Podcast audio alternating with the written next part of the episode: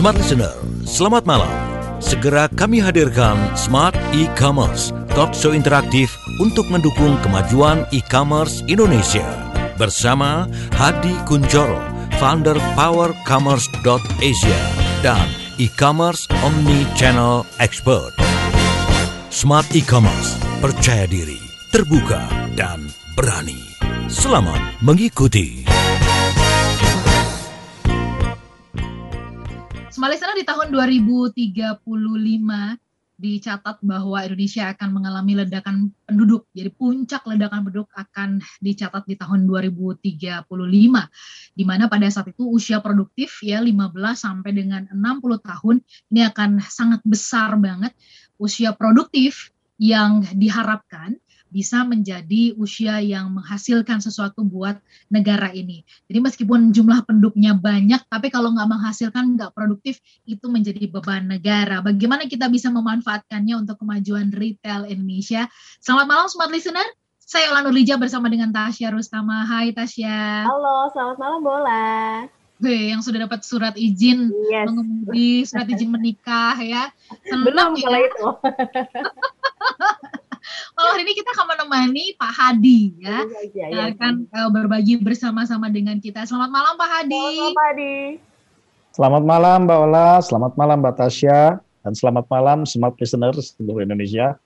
Iya, kita senang banget malam hari ini bisa ketemuan ya setelah uh, Rabu kemarin ya kita ya. bertemu dalam Smart Business Outlook. Banyak yang ya. gemes ya. sama Pak Hadi itu loh respon dari peserta ya gemes. Kenapa? Karena katanya waktunya dik sedikit dan kurang banyak yang dibagi.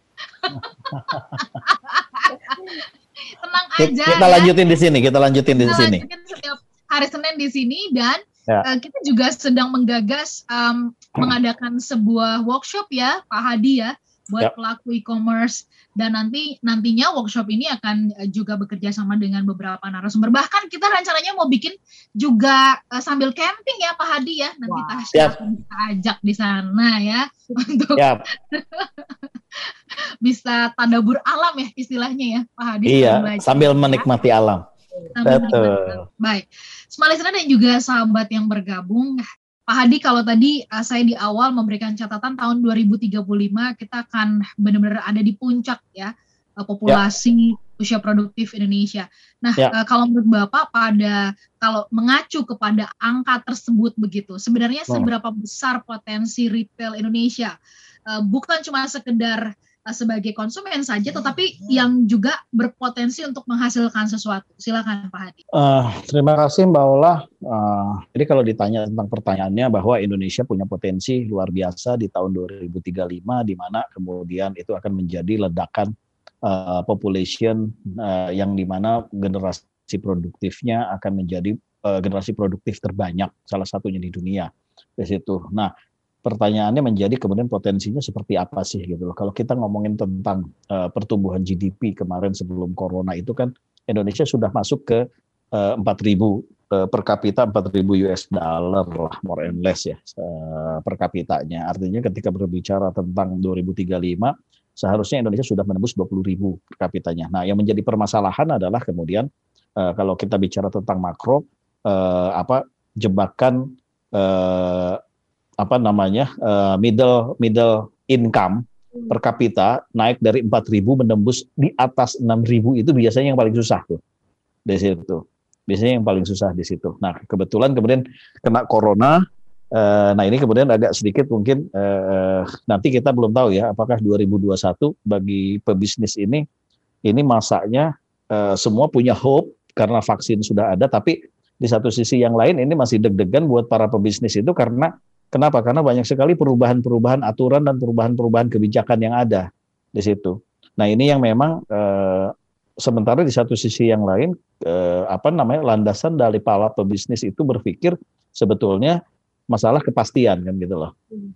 Artinya kepastian regulasi, kepastian kebijakan, kepastian kemudian ya inilah apa buka tutup warung eh, iya. gara-gara PSBB itu sangat sangat mempengaruhi sekali gitu loh dalam perencanaan eh, apa namanya sebuah bisnis di situ. Nah, menjadi menjadi unik tadi pembukaannya Mbak Ola adalah apakah ini akan menjadi beban atau menjadi sebuah benefit di ya. situ. Nah, jujur kalau saya uh, menyatakan bahwa dalam kondisi saat ini Indonesia uh, sebetulnya banyak sekali yang Indonesia ini punya potensi talenta-talenta yang sangat baik. Hanya saja, hanya saja kemudian apa namanya disparitasnya atau perbedaan gapnya itu masih sangat terlalu jauh antara kota-kota besar dengan kota-kota di remote area hmm. di situ. Kemudian yang kedua adalah uh, apa ketika berbicara pendidikan pun juga disparitasnya juga sangat tinggi sekali di situ. Hmm. Artinya pengetahuan antara yang di kota, yang kelas menengah atas, kemudian secara ekonomik dengan yang di bawah itu kan uh, uh, cukup tinggi. Nah, uh, ini yang mengakibatkan sebuah pertanyaan uh, kalau kita ngomongin dari aspek makronya ya gitu loh, apakah kemudian ini akan menjadi sebuah benefit? PR-nya banyak, PR-nya banyak yang harus dibenahi secara fondasi di situ tentang sistem pendidikan, tentang kemudian apakah kemudian uh, apa digital ini mengakibatkan justru benefit bagi masyarakat Indonesia bahwa sekarang mas sebetulnya mau pintar itu uh, gampang karena internet sudah banyak yang penting punya kuota atau yang punya sering-sering ada wifi gratis gitu sebenarnya kalau kalau nggak pinter berarti yang salah diri kita sendiri karena ilmu udah banyak sekali ilmu uh, sudah apa namanya ya. bertebaran di mana-mana gitu dengan internet ini Baik. Pak betul, Hadi ditahan betul. dulu nah, penjelasannya nanti kita ya, di dalam. Ya.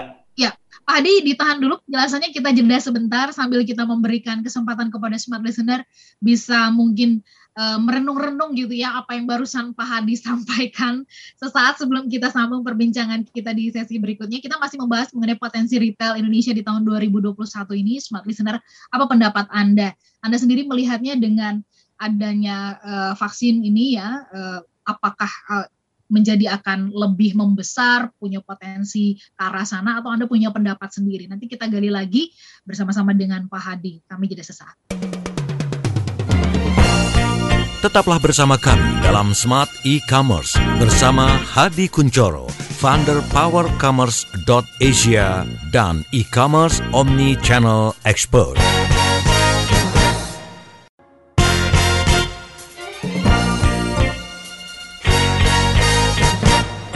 Kembali Anda ikuti Smart E-Commerce bersama Hadi Kuncoro, founder powercommerce.asia dan e-commerce omni-channel expert. Selamat malam Smart Listeners, untuk Anda yang baru bergabung bersama kami, saya ingin menyapa Anda yang berada di Jabodetabek, Jakarta, Bekasi, Bogor, Depok, Tangerang, dan sekitarnya ya. Dan juga untuk Anda yang mungkin baru bergabung yang berasal dari Yogyakarta ataupun dari Surabaya. Saya juga ingin menyapa Anda yang berada di Pulau Sumatera, yang untuk Anda yang mungkin baru bergabung bersama kami dalam program Smart E-Commerce dari Medan, kemudian dari Pekanbaru, dan juga Palembang. Dan untuk Anda, selamat malam saya ucapkan yang berasal dari Makassar dan juga Manado, Banjarmasin, dan Balikpapan. Selamat malam untuk Anda semua. Semoga Anda selalu diberikan kesehatan ya, dan juga semangat gitu untuk tetap belajar melihat prospek e-commerce di Indonesia. Apalagi sekarang smart listeners uh, tema kita adalah bagaimana potensi retail Indonesia di tahun 2021. Ini sangat penting smart listeners untuk bisa melihat bagaimana landscape uh, retail perekonomian di Indonesia di tahun ini di tahun 2021.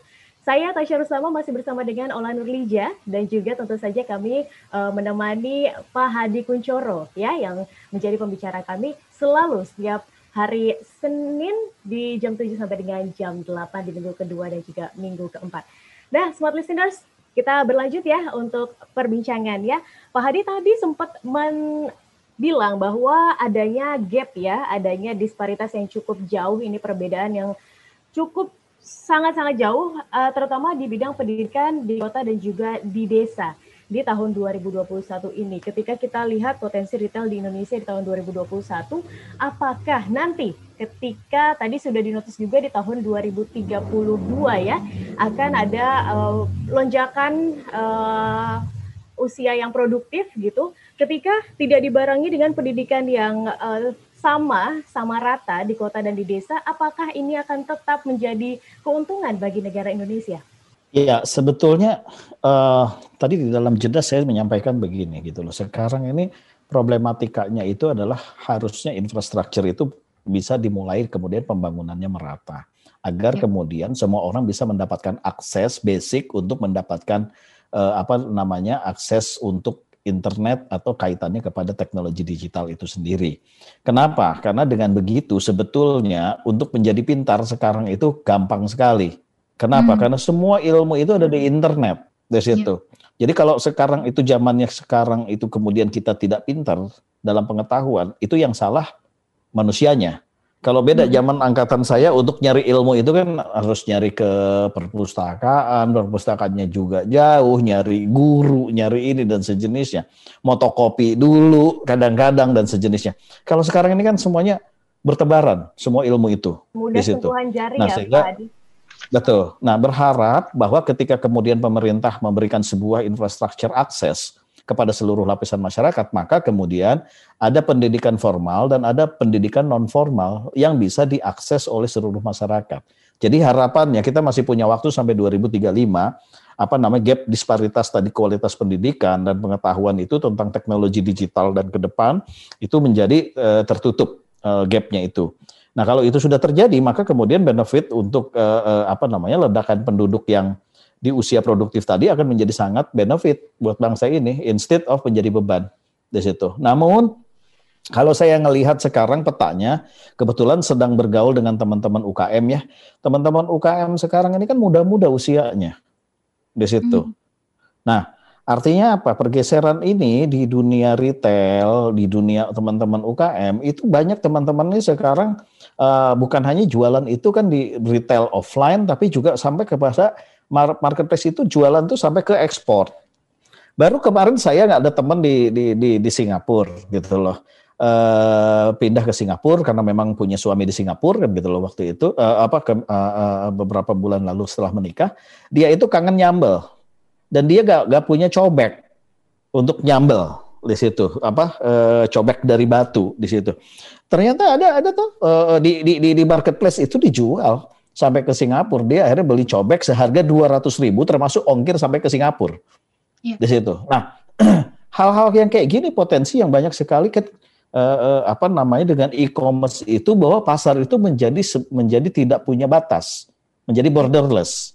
Di situ nah tinggal pertanyaannya, tahukah kita potensi pasar mana dan butuh produk macam kategori apa yang dibutuhkan oleh pasar ke mana, di mana dan caranya bagaimana itu yang menjadi sangat utama sekarang.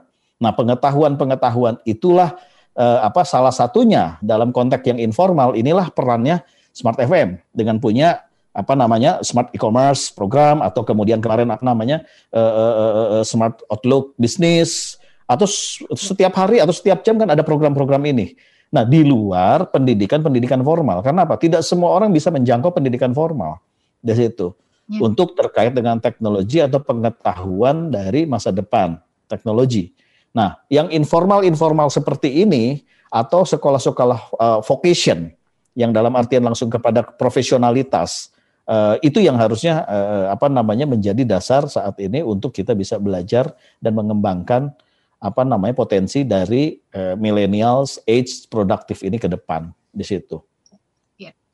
Pak Hadi kalau tadi uh, Tasya menyampaikan ya, kira-kira gap ini akan menjadi masalah enggak sih gitu. Ini kan sebenarnya tergantung dari Pak Hadi mengatakan soal pendidikan ya.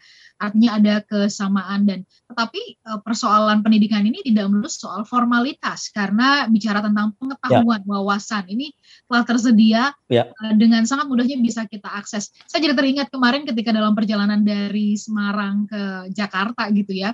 Eh, dalam proses perjalanan itu berada di satu desa yang ya. uh, di sepanjang jalannya dia buat quote-quote gitu ya dan dia tulis di pinggir jalan dengan uh, sangat sederhana dengan dengan papan yang sudah dimodifikasi berwarna putih gitu dan um, ada ajakan ya kepada masyarakat setempat di desa itu untuk aware dengan teknologi ya mari kita uh, majukan ya. desa kita dengan uh, menguasai teknologi Nah, saya berpikir-pikir gitu. Ya.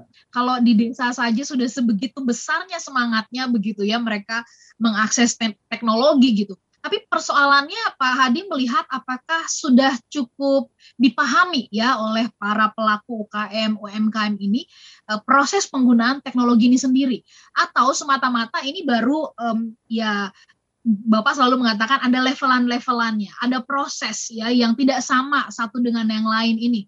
Nah, kalau tidak sama, apakah ini nanti tidak menggambarkan, maaf kalau saya menggunakan uh, istilah kita tidak saling apa ya, kayak mendahului gitu loh, Pak Hadi nanti ada yang sudah diuntungkan lebih dulu, ada yang belakangan gitu ya. Yang menguasai teknologi akan lebih besar kemajuannya yang tidak. Nah, bagaimana dengan yang tidak? Karena bisa saja penguasaan tingkat penguasaan mereka itu terbatas karena akses dan sebagainya. Bagaimana tanggapan Pak Hadi?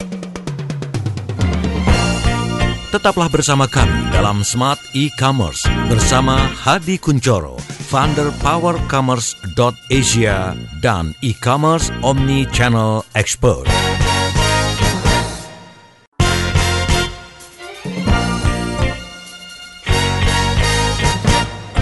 Kembali Anda ikuti Smart E-Commerce bersama Hadi Kuncoro, founder powercommerce.asia dan e-commerce omni-channel expert. Semua listener dan juga sahabat yang bergabung, terima kasih Anda masih menyimak perbincangan dalam Smart E-Commerce. Kami masih bersama-sama dengan Pak Hadi, saya Ola Nolija bersama dengan Tasya Rustama, dan kita masih berbincang mengenai potensi retail Indonesia di tahun 2021 bagaimana kemudian kita memanfaatkan situasi yang ada untuk memperbesar potensi tersebut. Kita masih berbincang bersama dengan Pak Hadi. Pak Hadi, eh, kalau tadi di sesi sebelumnya ya, eh, Pak Hadi menyampaikan berkaitan dengan potensi yang ada sebenarnya itu bisa semakin besar tetapi perlu diatasi dengan gap pendidikan. Tetapi Bapak juga mengatakan sebenarnya sekarang yang namanya pengetahuan wawasan tuh uh, bisa dengan mudah kok diakses begitu kan. Hanya tadi saya menganggap begini kalau ada sebuah uh, desa gitu ya yang sudah lebih dulu maju sementara yang lain enggak apakah ini nanti enggak jadi kayak balap-balapan kompetisi gitu ya. Singkatnya tidak menimbulkan sebuah kompetisi. Kalau ternyata pemerataannya itu belum belum apa ya belum rata lah begitu ya belum secara menyeluruh bagaimana tanggapan Pak Hadi? Pertama yang pasti boleh dipastikan tidak ada di dunia ini terutama di Indonesia di semua desa atau semua kecamatan itu akan menjadi bersamaan pinternya. Okay. Karena masing-masing dunia itu sunnah ya sunatullahnya itu kan sunatullahnya kan memang apa namanya eh, itu masing-masing kan menjadi berbeda kan gitu loh di situ. Jadi tidak akan pernah menjadi bersamaan. Bahwa yang menjadi utama adalah sekarang ini menjadi menarik begini ketika kemudian apa namanya success story di sebuah tempat atau area atau desa itu kemudian berhasil, ini kan sekarang gampang sekali terpublisitas, terpublicity. Nah, desa-desa yang lain yang merasa kemudian itu bermanfaat uh, uh, kesuksesan desa tetangganya atau kemudian daerah tertentu yang lain, maka kemudian bisa menduplikasi kesuksesan tersebut dengan sangat cepat. Tapi tentunya kenapa yang bisa membedakan karena masing-masing potensi daerah, masing-masing potensi individu itu kan berbeda-beda, Mbak. Tidak bisa disamakan. Di situ. Itu yang paling utama di situ. Makanya ini yang harus dipahami bahwa konsepnya bahwa kemudian yang harus dipahami mungkin basic usage pengetahuan dari pemapatan pemanfaatan teknologi itu apa, seperti apa secara basicnya dan kemudian secara optimalnya bagaimana mengoptimalisasikan agar disesuaikan dengan potensi tempat, potensi daerah dan potensi kelompok yang ada di masing-masing areanya. Karena nggak hmm. bisa disamakan di situ. Contoh misalnya di suatu daerah yang memang potensinya adalah pertanian, maka kemudian dia harus menggali tentang agri teknologi, agri-tech, hmm. startup. Tapi kalau di suatu daerah tersebut adalah lebih banyak yang memang kemudian di wisata base, di pariwisata, maka dia harus kembangkan adalah tourism apa uh, teknologi solution di situ dengan kemudian ekosistemnya ada UKM kerajinannya, ada hiburan entertainmentnya dan sejenisnya. Jadi masing-masing daerah itu kan dan orang atau kelompok itu pasti punya potensi yang berbeda-beda. Namun basic teknologi pengetahuannya yang itu harus apa dimiliki secara prinsip dan secara basic yang harus kemudian segera dimiliki oleh masing-masing individu itu. Saya sih melihatnya gini. Sekarang terakhir ini teman-teman saya itu banyak yang punya apa namanya uh, punya misi dan punya uh, apa namanya visi yang luar biasa mulai membangun kampung-kampung internet marketers. Itu banyak banget. Munculnya di hmm. tempat-tempat di desa-desa kayak gitu. Nah, kemudian hmm. ada pondok-pondok apa namanya uh, membangun developer atau programmer, pondok-pondok hmm. programmer itu di, di pesantren, di daerah itu, itu banyak banget, Mbak, sekarang, Mbak, di situ.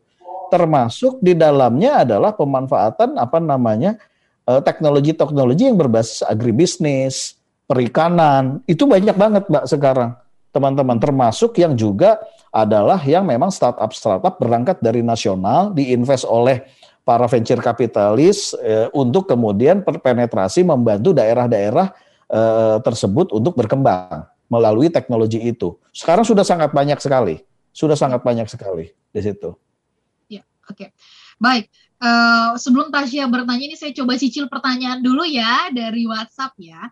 Ada Pak Rusdi ya. yang bertanya bersama dengan kita malam hari ini dari Balikpapan. Pak Rusdi bertanya kalau bicara soal uh, retail ini kalau menurut Pak Hadi gimana gitu kan? Karena kayaknya uh, ya kebijakan pemerintah untuk pembatasan-pembatasan ini kan juga di satu sisi sedikit menyulitkan ya karena jadinya ya. uh, mengurangi uh, jam orang bisa berbelanja dan sebagainya. Kalau menurut saya sebenarnya uh, bukan jam malamnya yang harus dibatasin gitu ya. Karena kan juga orang lebih banyak beraktivitas justru bukannya di siang hari ya katanya seperti itu. Tanggapan Pak Hadi kayak gimana? Tepat nggak itu? Tapi kalau nggak digituin nah ini COVID merajalela gitu kan. Makin mengganas juga di satu sisi kalau benar-benar ditutup atau di lockdown kan kita juga uh, mematikan uh, ekonomi itu sendiri. Seperti apa jawaban dari Pak Hadi? Silakan jadi sekarang ini saya mungkin tidak akan meresponnya terkait dengan siang apa malam.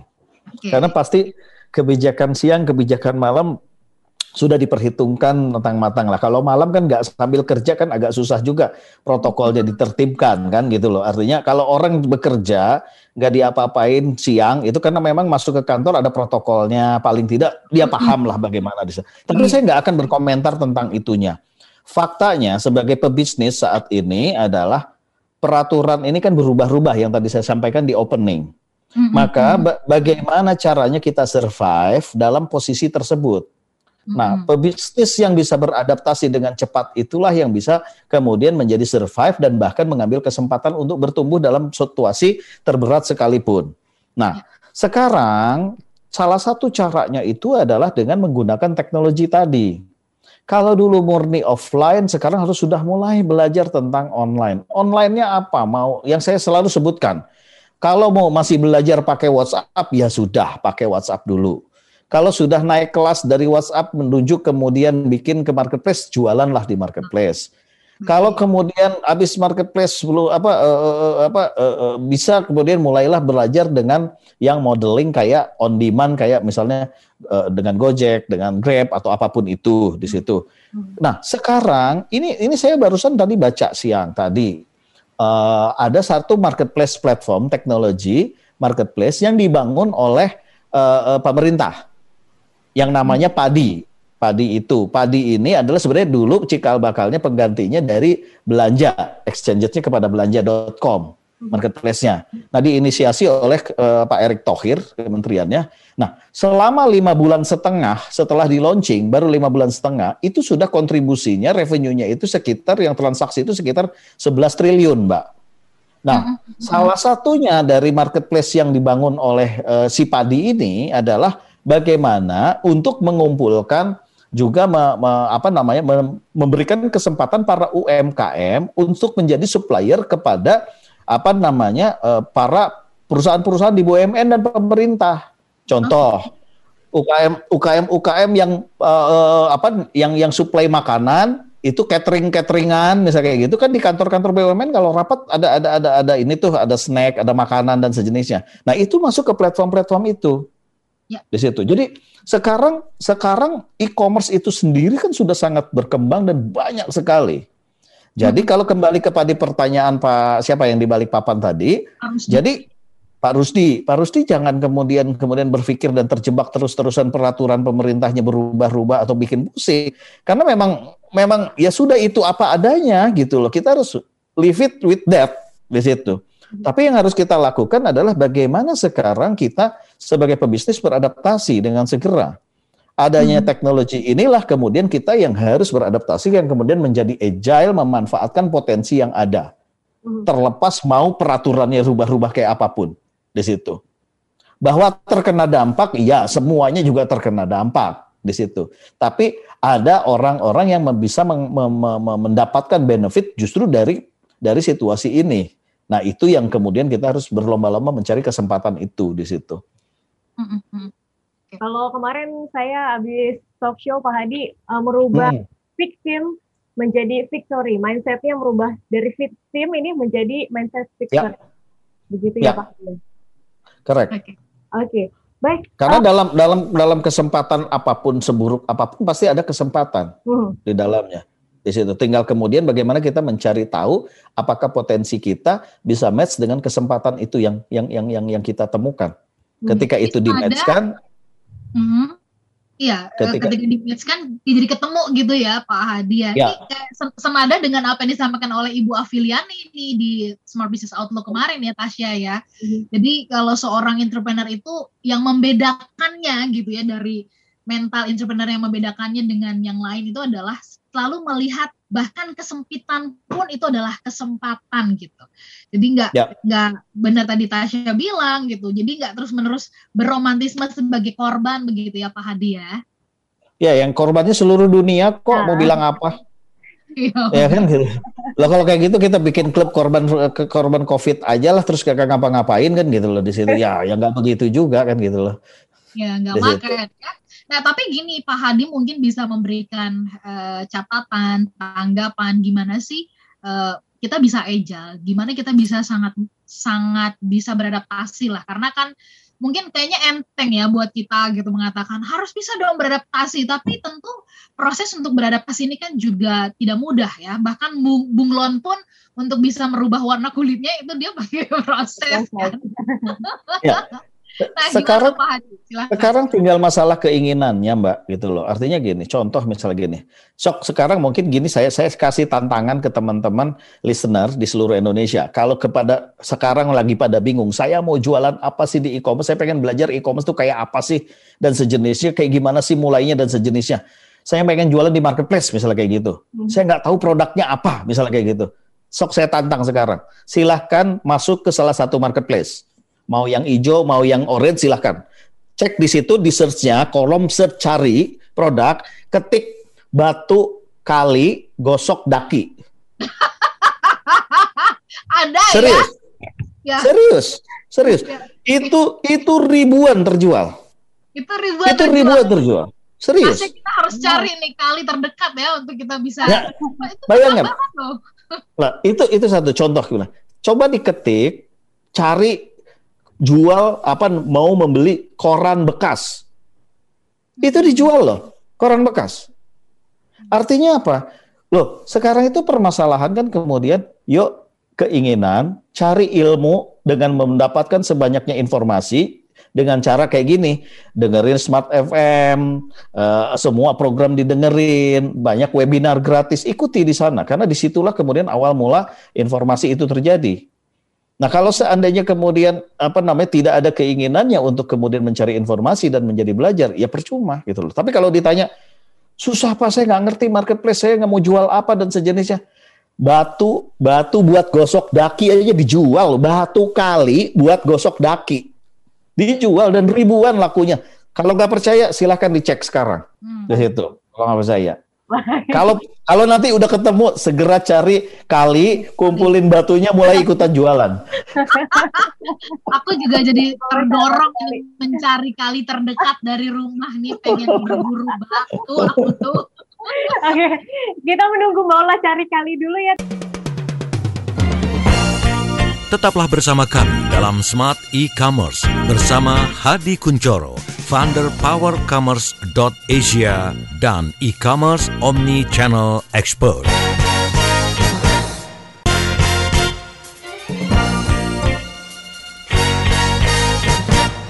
Kembali Anda ikuti Smart E-Commerce bersama Hadi Kuncoro, founder powercommerce.asia dan e-commerce omni-channel expert.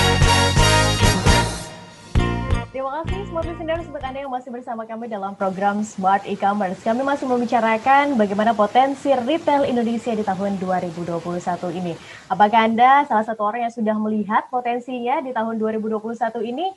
Kalau sudah melihat potensinya, jalankan Smart Listener. Seperti kata Pak Adi, jangan uh, jangan takut untuk belajar. Kalian Anda harus uh, tahu karena banyak informasi-informasi yang bisa Anda dapatkan di zaman yang seperti sekarang ini. Karena informasi semudah sentuhan jari, jadi Anda uh, harusnya bisa belajar lebih gitu untuk mengetahui berbagai macam uh, potensi dan juga seputar e-commerce di Indonesia. Dan kita berlanjut ya pembicaraannya, smart listeners. Uh, Pak Hadi, jika kita berbicara tentang potensi retail di Indonesia, kita tahu potensinya itu sangat-sangat besar dan masih belum dimanfaatkan dengan baik. Bagaimana caranya agar kita ini bisa untuk memanfaatkannya dengan baik? Misal tadi Pak Hadi sudah memberikan saran salah satunya ya, dengan cara uh, apa namanya ya jualan aja gitu. Apa yang mau dijual coba lihat di e-commerce apa yang dijual sudah ada bahkan batu kali saja sudah dijual gitu. Jadi coba dilihat dan silakan dipraktikan. Mungkin ada lagi hal-hal lain yang bisa dimanfaatkan untuk para uh, listener agar bisa memanfaatkan potensi retail di Indonesia di tahun ini. Ya, jadi teman-teman itu kan ada beberapa level dan beberapa tahap ya gitu loh. Ada teman-teman yang berangkatnya punya produk, tugasnya adalah memang fokusnya adalah berjualan produk tersebut. Selama ini pakai WhatsApp di situ. Nah, ketika pakai WhatsApp jualannya naik. Kemudian kan ini kalau manual kan bales ini kan lumayan pegel ya. Udah gitu apa nama udah gitu kemudian harus ngecekin yang trans yang udah transfer siapa nih? Betul. Orderannya dan sejenisnya Ketika kemudian udah dicek ke bank transferannya manual satu-satu, kemudian manggilin kurirnya, ekspedisi pengirimannya harus datang ke konter dan sejenisnya. Nah sekarang itu banyak sekali teknologi-teknologi startup yang bisa memberikan layanan satu dalam payung. Jadi nggak perlu pusing apa namanya pakai uh, apa customer service yang banyak chatnya di situ. Jadi nggak perlu jawabin satu-satu dan sejenisnya.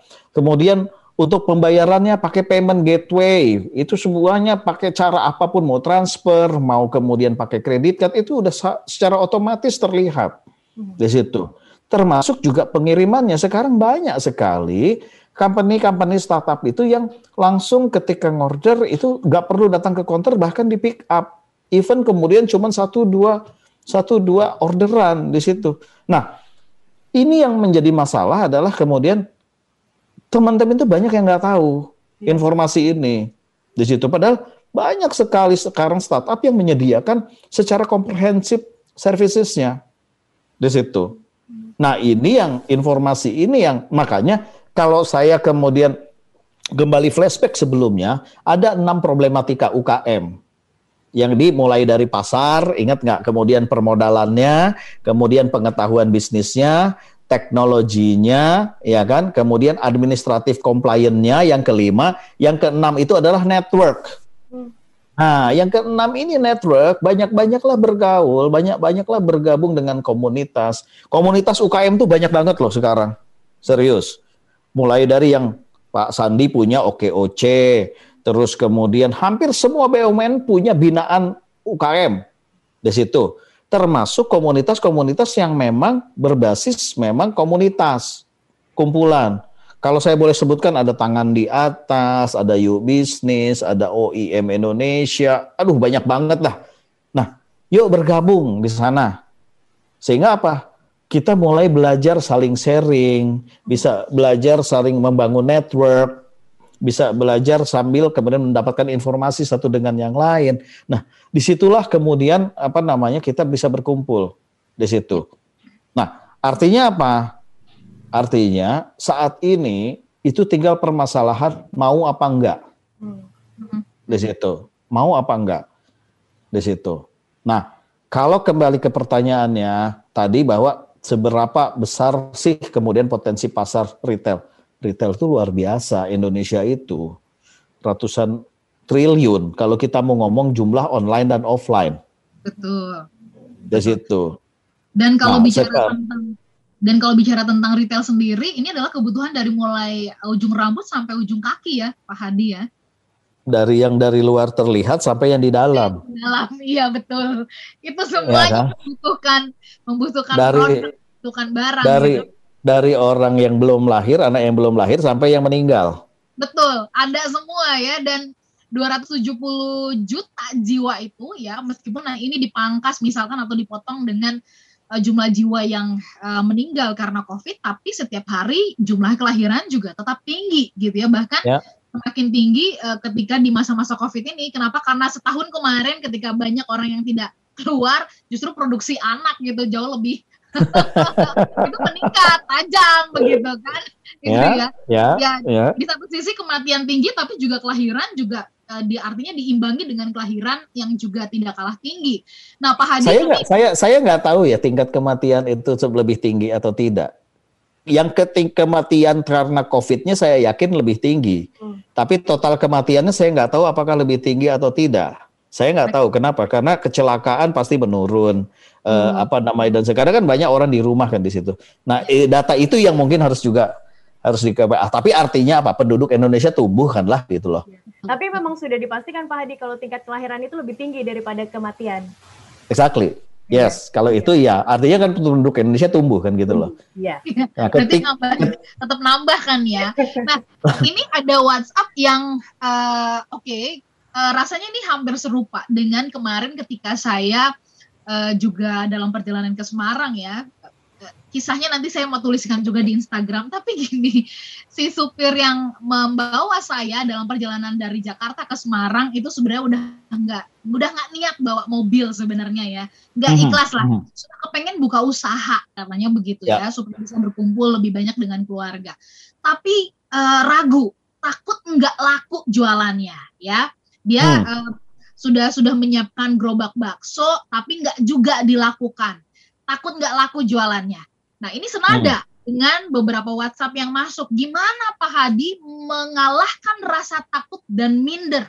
Karena barang kita belum tentu laku. Nah, ini dia. Nanti kalau nggak laku gimana? Ya masa terus mau bayar listriknya pakai apa? Begitu kan? Ini hal-hal yang sangat-sangat uh, primer sekali gitu ya, yang uh, takut juga kalau nggak terpenuhi, kalau nggak terbayar kan ini bisa menimbulkan rasa malu begitu. Poin dari Bapak mengalahkan atau membongkar mental block ini gimana?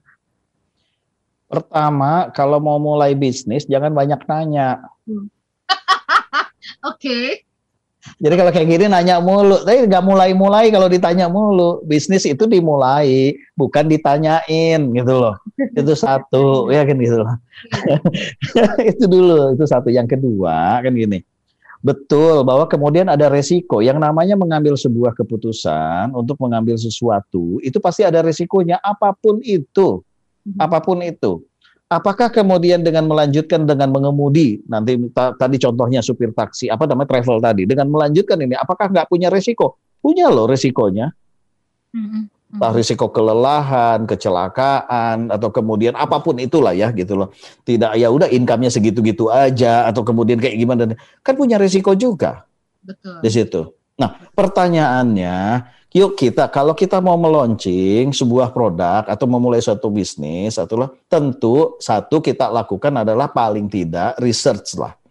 Research itu jangan ngomong research deh, tanya kiri kanan di situ Hmm. bahwa kira-kira kalau seandainya saya bikin produk yang sekarang bakso, paling tidak kalau saya bagikan ke tujuh depan rumah, kiri, kanan, dan belakang, tujuh, tujuh, tujuh, tujuh kali empat, kan gitu loh. Iya kan? Apakah kemudian mereka menyatakan 99% enak apa enggak? Kalau udah enak, artinya kan kita apa confident terhadap produknya kita, itu dulu. Dari situ baru kita ngomongin tentang bagaimana cara menjualnya kan gitu loh. Menjual kan macam-macam, mau pakai apa? Ya sudah, nanti antar tetangga lewat WA dulu, teman-temannya dulu. Misalnya kayak gitu. Kemudian yang kedua, kemudian ya sudah kalau saya kayak gitu, ya udah mulai meningkat. Oh oke, okay. saya udah beli gerobak ya tadi. Hmm. Ya sudah ada gerobak Tinggal cari kan persyaratannya kalau gerobak kan apa? Tempatnya, waktunya yang benar, tempatnya yang pas kan gitu loh di situ. Nah itu biasanya nggak per, perlu pakai riset-riset survei aja di hmm. situ. Contoh misalnya kayak gini, kalau sudah ada tukang es sama tukang rujak, sebelahnya belum ada tukang baso. Tukang baso, kenapa? Karena tukang rujak itu biasanya emak-emak yang beli sama tukang baso kan sama. Iya, iya, iya, iya. iya. Di situ. Jadi sebenarnya sebetulnya nggak perlu bikin survei, bikin research, enggak. Kalau di situ ya. Jelimet. Kalau misal satu tempat, oh di situ ada tukang rujak, tukang rujaknya laku gitu loh.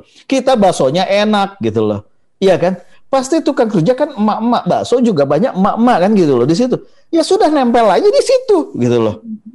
Baiklah. kalau begitu. Gambaran gambarannya itu. Gambar. Jadi nggak apa eh, secara kasar apa namanya secara simplicity kalau saya boleh dibilang, Pak saya harus takut mulainya kayak gimana? Ya sudah, gak usah banyak nanya, jalanin aja. Toh terukur resikonya. Gerobak udah dibeli gitu loh. Kalau gerobak udah dibeli kan udah beresiko tuh kalau nggak dipakai. Beresiko rusak ya. Baik, Pak Hadi itu untuk perbincangan kita di kesempatan malam hari ini. Eh, jelas sekali tadi Pak, Pak Hadi mengatakan ya Tasya ya. Kebutuhan dari ujung rambut sampai ujung kaki dari yang dilihat sampai yang nggak kelihatan dari yang masih bayi belum lahir sampai yang meninggal itu punya kebutuhan. So smart listener sekarang tinggal kita apakah mau memanfaatkan eh, celah ini ya. Kalau kita mau jadi korban terus ya kita nggak akan bergerak ke mana-mana. Selamat memanfaatkan dan membesarkan potensinya dari tempat dan sesuai dengan kemampuan kita masing-masing. Saya Lana Nurlija, Saya Tasya Ristama. Dan saya Hadi Kuncoro. kami bertiga mengucapkan terima kasih, selamat malam dan sampai jumpa. Sampai jumpa. Baru saja Anda simak Smart E-Commerce, talk show interaktif untuk mendukung kemajuan e-commerce Indonesia bersama Hadi Kuncoro, founder powercommerce.asia dan e-commerce omni-channel expert. Smart E-Commerce, percaya diri, terbuka, dan berani. Sukses untuk Anda. Terima kasih dan sampai jumpa.